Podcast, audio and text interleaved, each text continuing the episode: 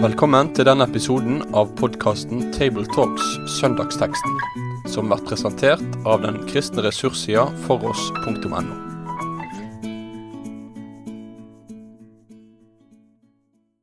Da er det en glede å ønske velkommen igjen til en ny episode av Table Talks fra gruppen i Bergen.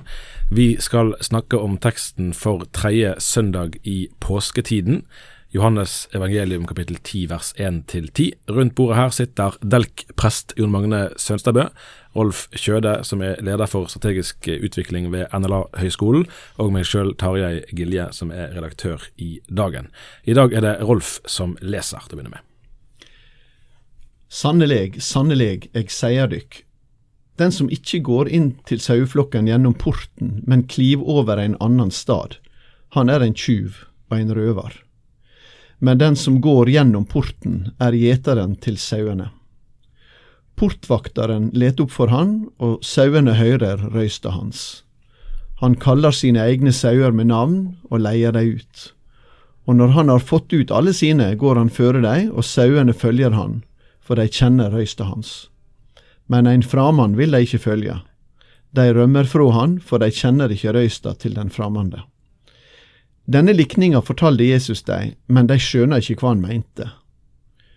Da sa Jesus, Sannelig, sannelig, eg sier dykk, eg er porten inn til sauene. Alle som er komne før meg, er tjuvar og røverar, men sauene høyrde ikke på dei. Eg er porten. Den som går inn gjennom meg, skal bli frelst, og fritt gå inn og ut og finne beite. Tjuven kjem bare for å stjele, drepe og ødelegge. Jeg er kommen for at det skal ha liv og overflod. I dag eh, må vi først uh, snakke om noe som vi nesten aldri snakker om, og det er jo utvalget av prekentekster. For her ligger det jo en god del definisjonsmakt på noen hender uh, som uh, hvis arbeid, for å si det sånn, som vi andre egentlig sjelden ser noe til. For du Rolf har litt synspunkter på selve disposisjonen av teksten her. Ja, skulle du ta helheten som preiketekst, så hadde den blitt veldig langt, for da ville den vare helt fram til vers 21. Det som, er, det som ser ut til å være ganske tydelig her, da, det er at Jesus først forteller en lignelse. Og så kommer det et vers der, vers 6, som sier at dette forsto de ikke. De forsto ikke hva han mente. Og så eh, kommer Jesus med egentlig med to ulike tydninger, eller to parallelle tydninger, der han, han, han utlegger kan vi si, ulike sider ved det. men, men men det er to, to, ulike tolkinger han kommer med, som kan godt stå ved siden av hverandre.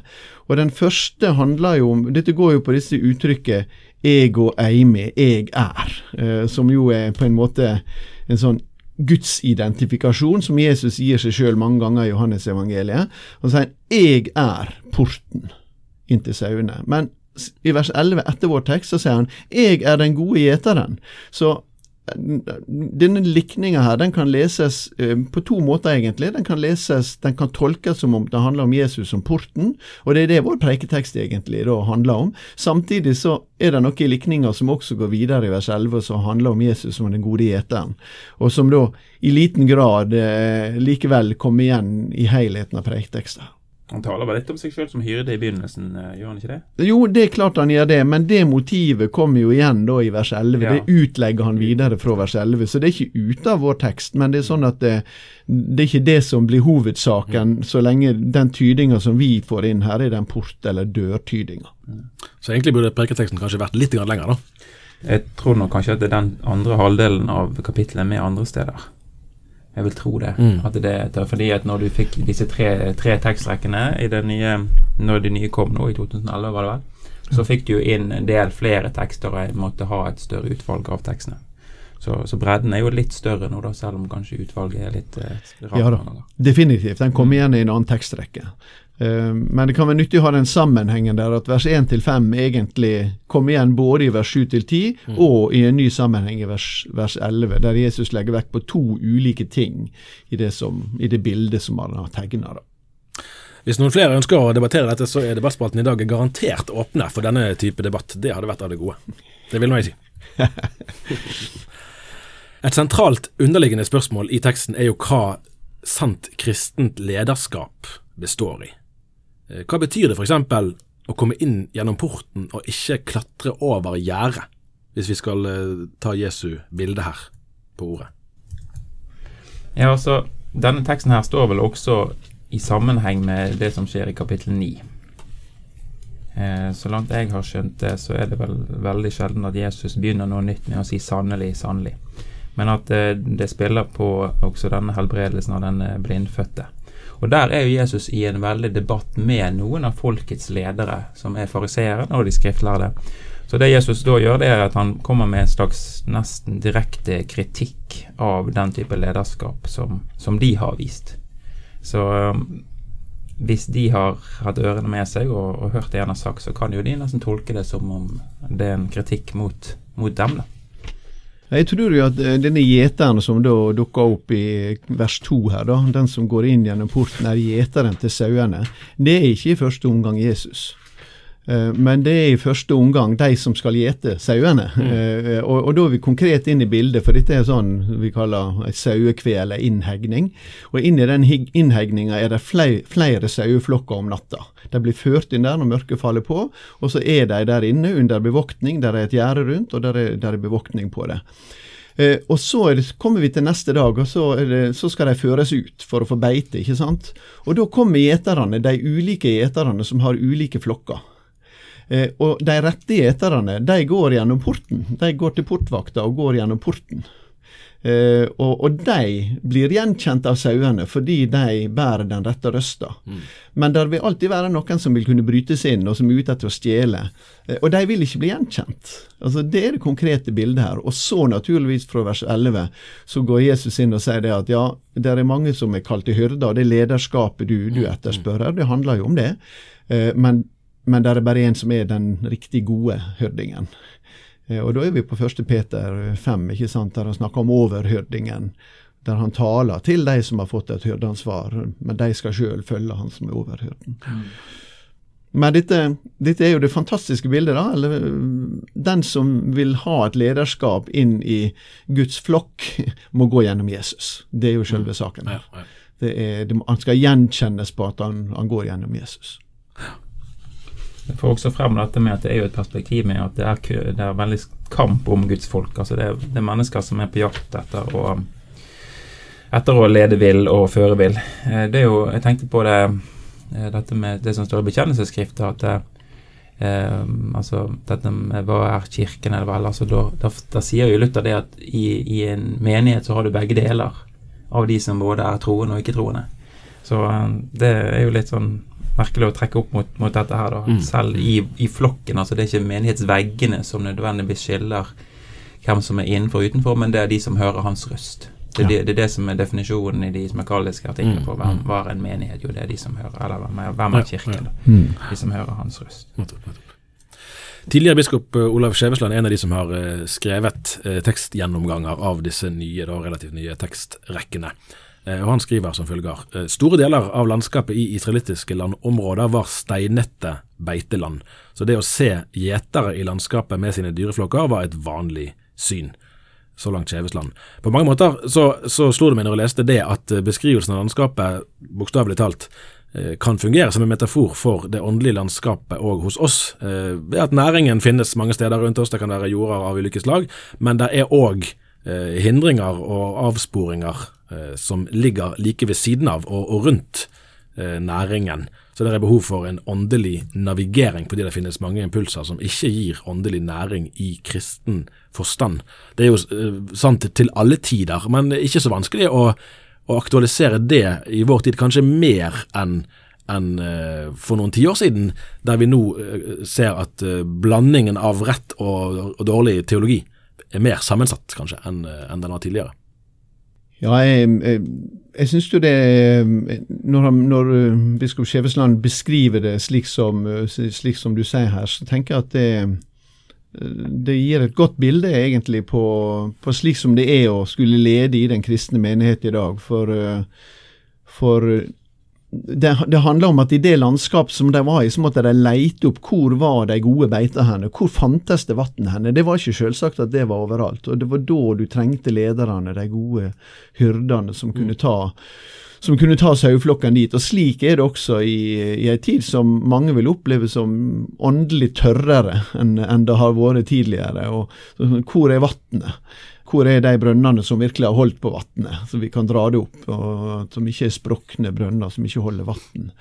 Så, og her trenger, vi, her trenger vi levende menighetsfellesskap, altså. Vi trenger levende menighetsfellesskap i byene og i bygdene våre, som er slike vannhull, og som er slike plasser som jo eh, den store hyrde eh, snakker om. Det. Altså han leder deg til grønne enger, han leder deg til hvile, den vann der vi finner hvile.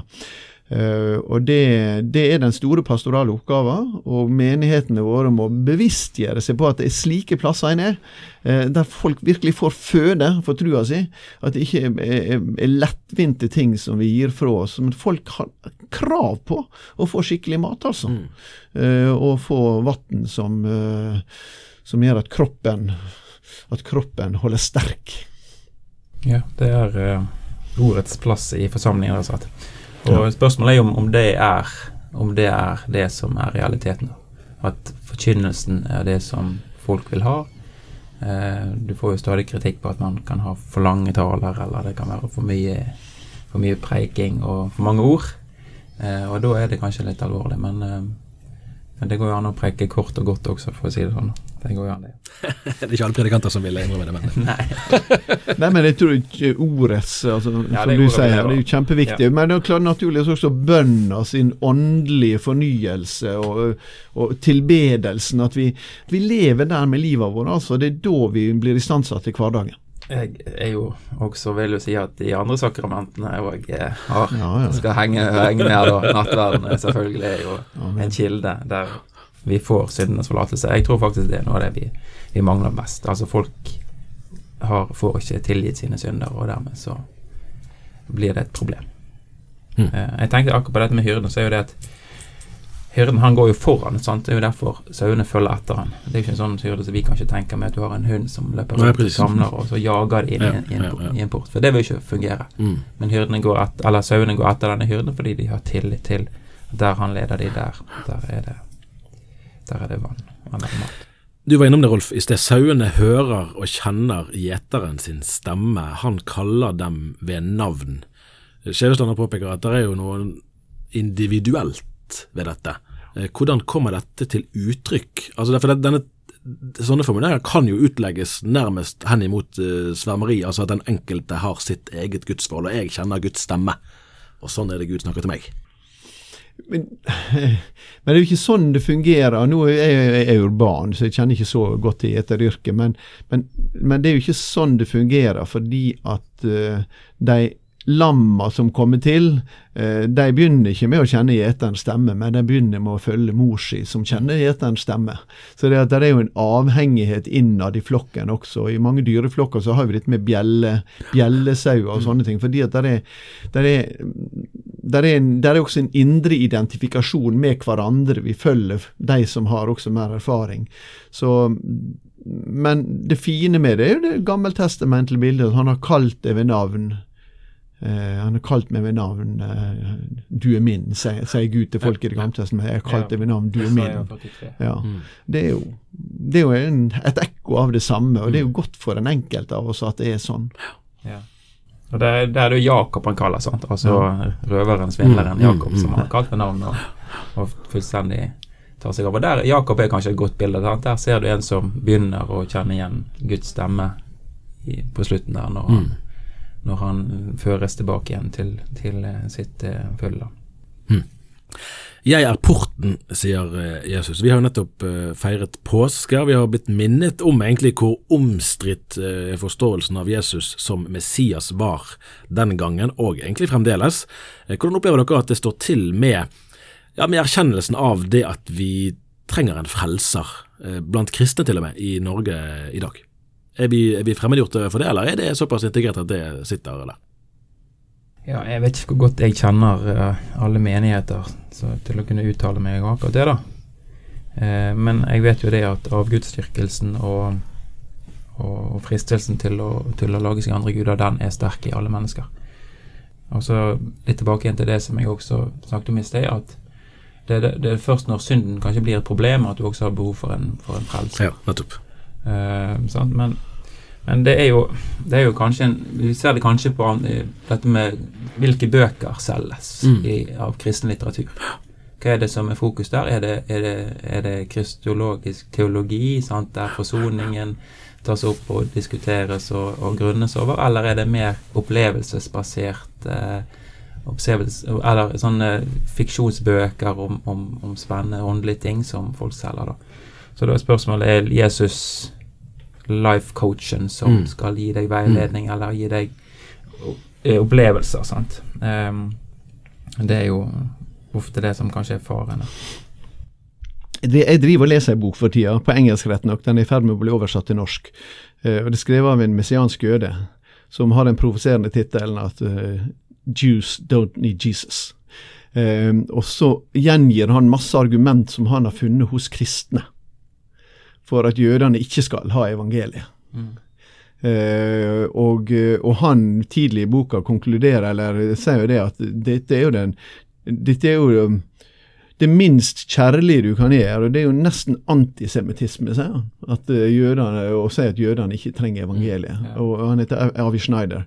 Uh, og, uh, og, jeg tenker at der er vi litt inne på det sjøl. I, I, den sammenhengen så er det ellers gode, det vi kaller bibeltru, av og til evangelikale kristne, som kan komme til noen sprø ideer der det er viktigere med, med Israels land og flagg enn det er at, at hver enkelt menneske på jorda, og faktisk hver enkelt jøde, trenger et møte med Jesus Kristus. Kristus. Trenger å gå gjennom Han som porten mm.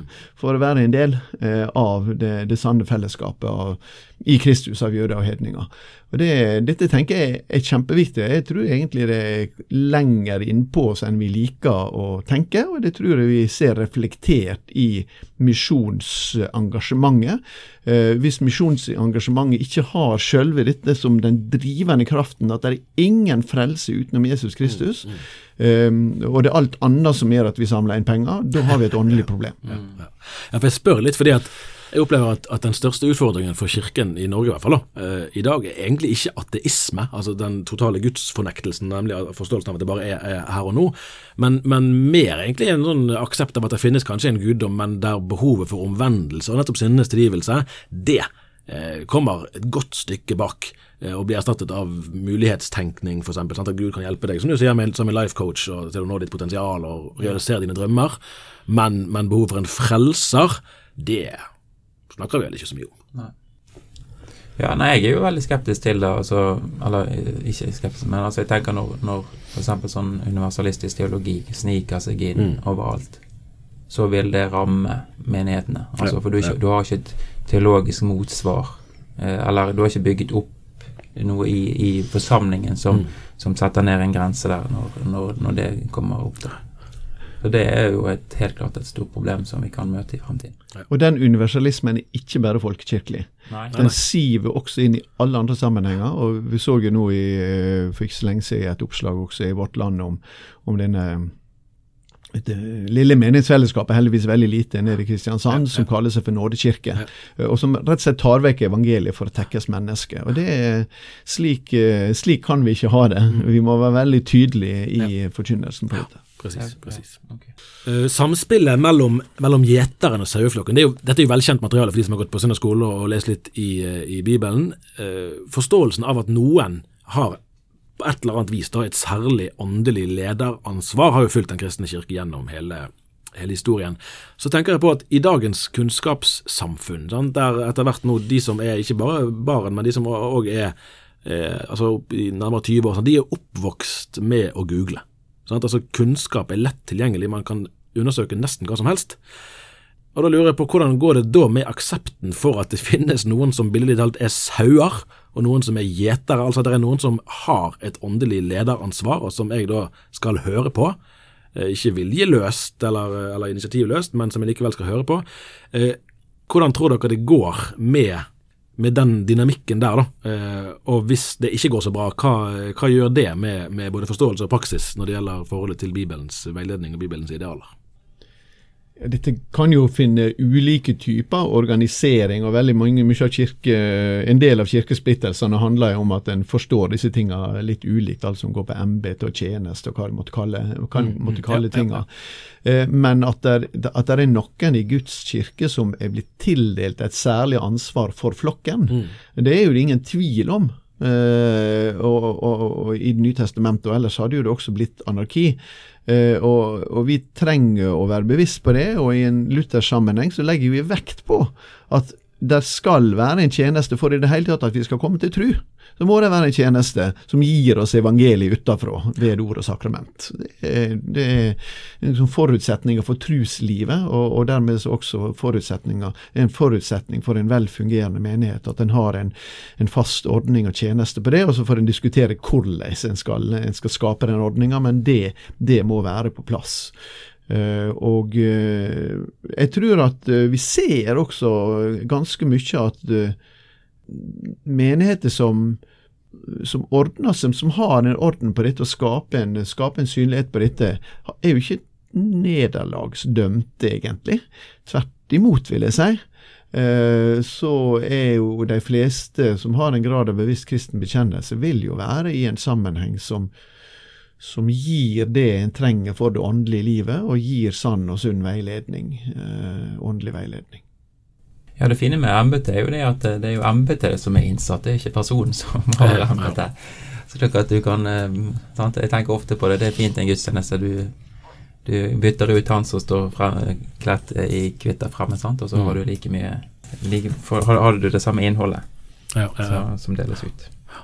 Ja, for det, altså En ting er jo å ha ordningen for lederskap på plass. Der vil det jo være litt varianter av hvordan man gjør det. Men man kan jo ha så mange embetsfolk man vil hvis saken er at folket ikke vil høre på. Så løser jo ikke det eh, problemet. Det kan komme litt, advar, litt sånn alvorlig formaning som står i Forkynneren. Så står det dette med at Forkynnerne fire Vokt din fot når du går til Guds hus, kom dit for å høre. Det er bedre, at, det er bedre enn når dårer bærer frem offer, for de vet ikke at de gjør vondt. Altså dette med å komme til en til en menighet, det er Du kommer der for å høre det som forkynnes. Og eh, så tenkte jeg også på dette her som står i Hosea, dette med at mitt folk det går til grunne fordi de ikke har kunnskap. Eh, og det er alvorlig. Der Guds ord ikke har plass i en menighet, der går menigheten til, til grunne. Hmm. Vi lar det tankevekkende ordet stå som avslutning på denne episoden. Takk for at du hørte på. Med det sier vi takk for følget for denne gang. Finn flere ressurser, og vær gjerne med å støtte oss på foross.no.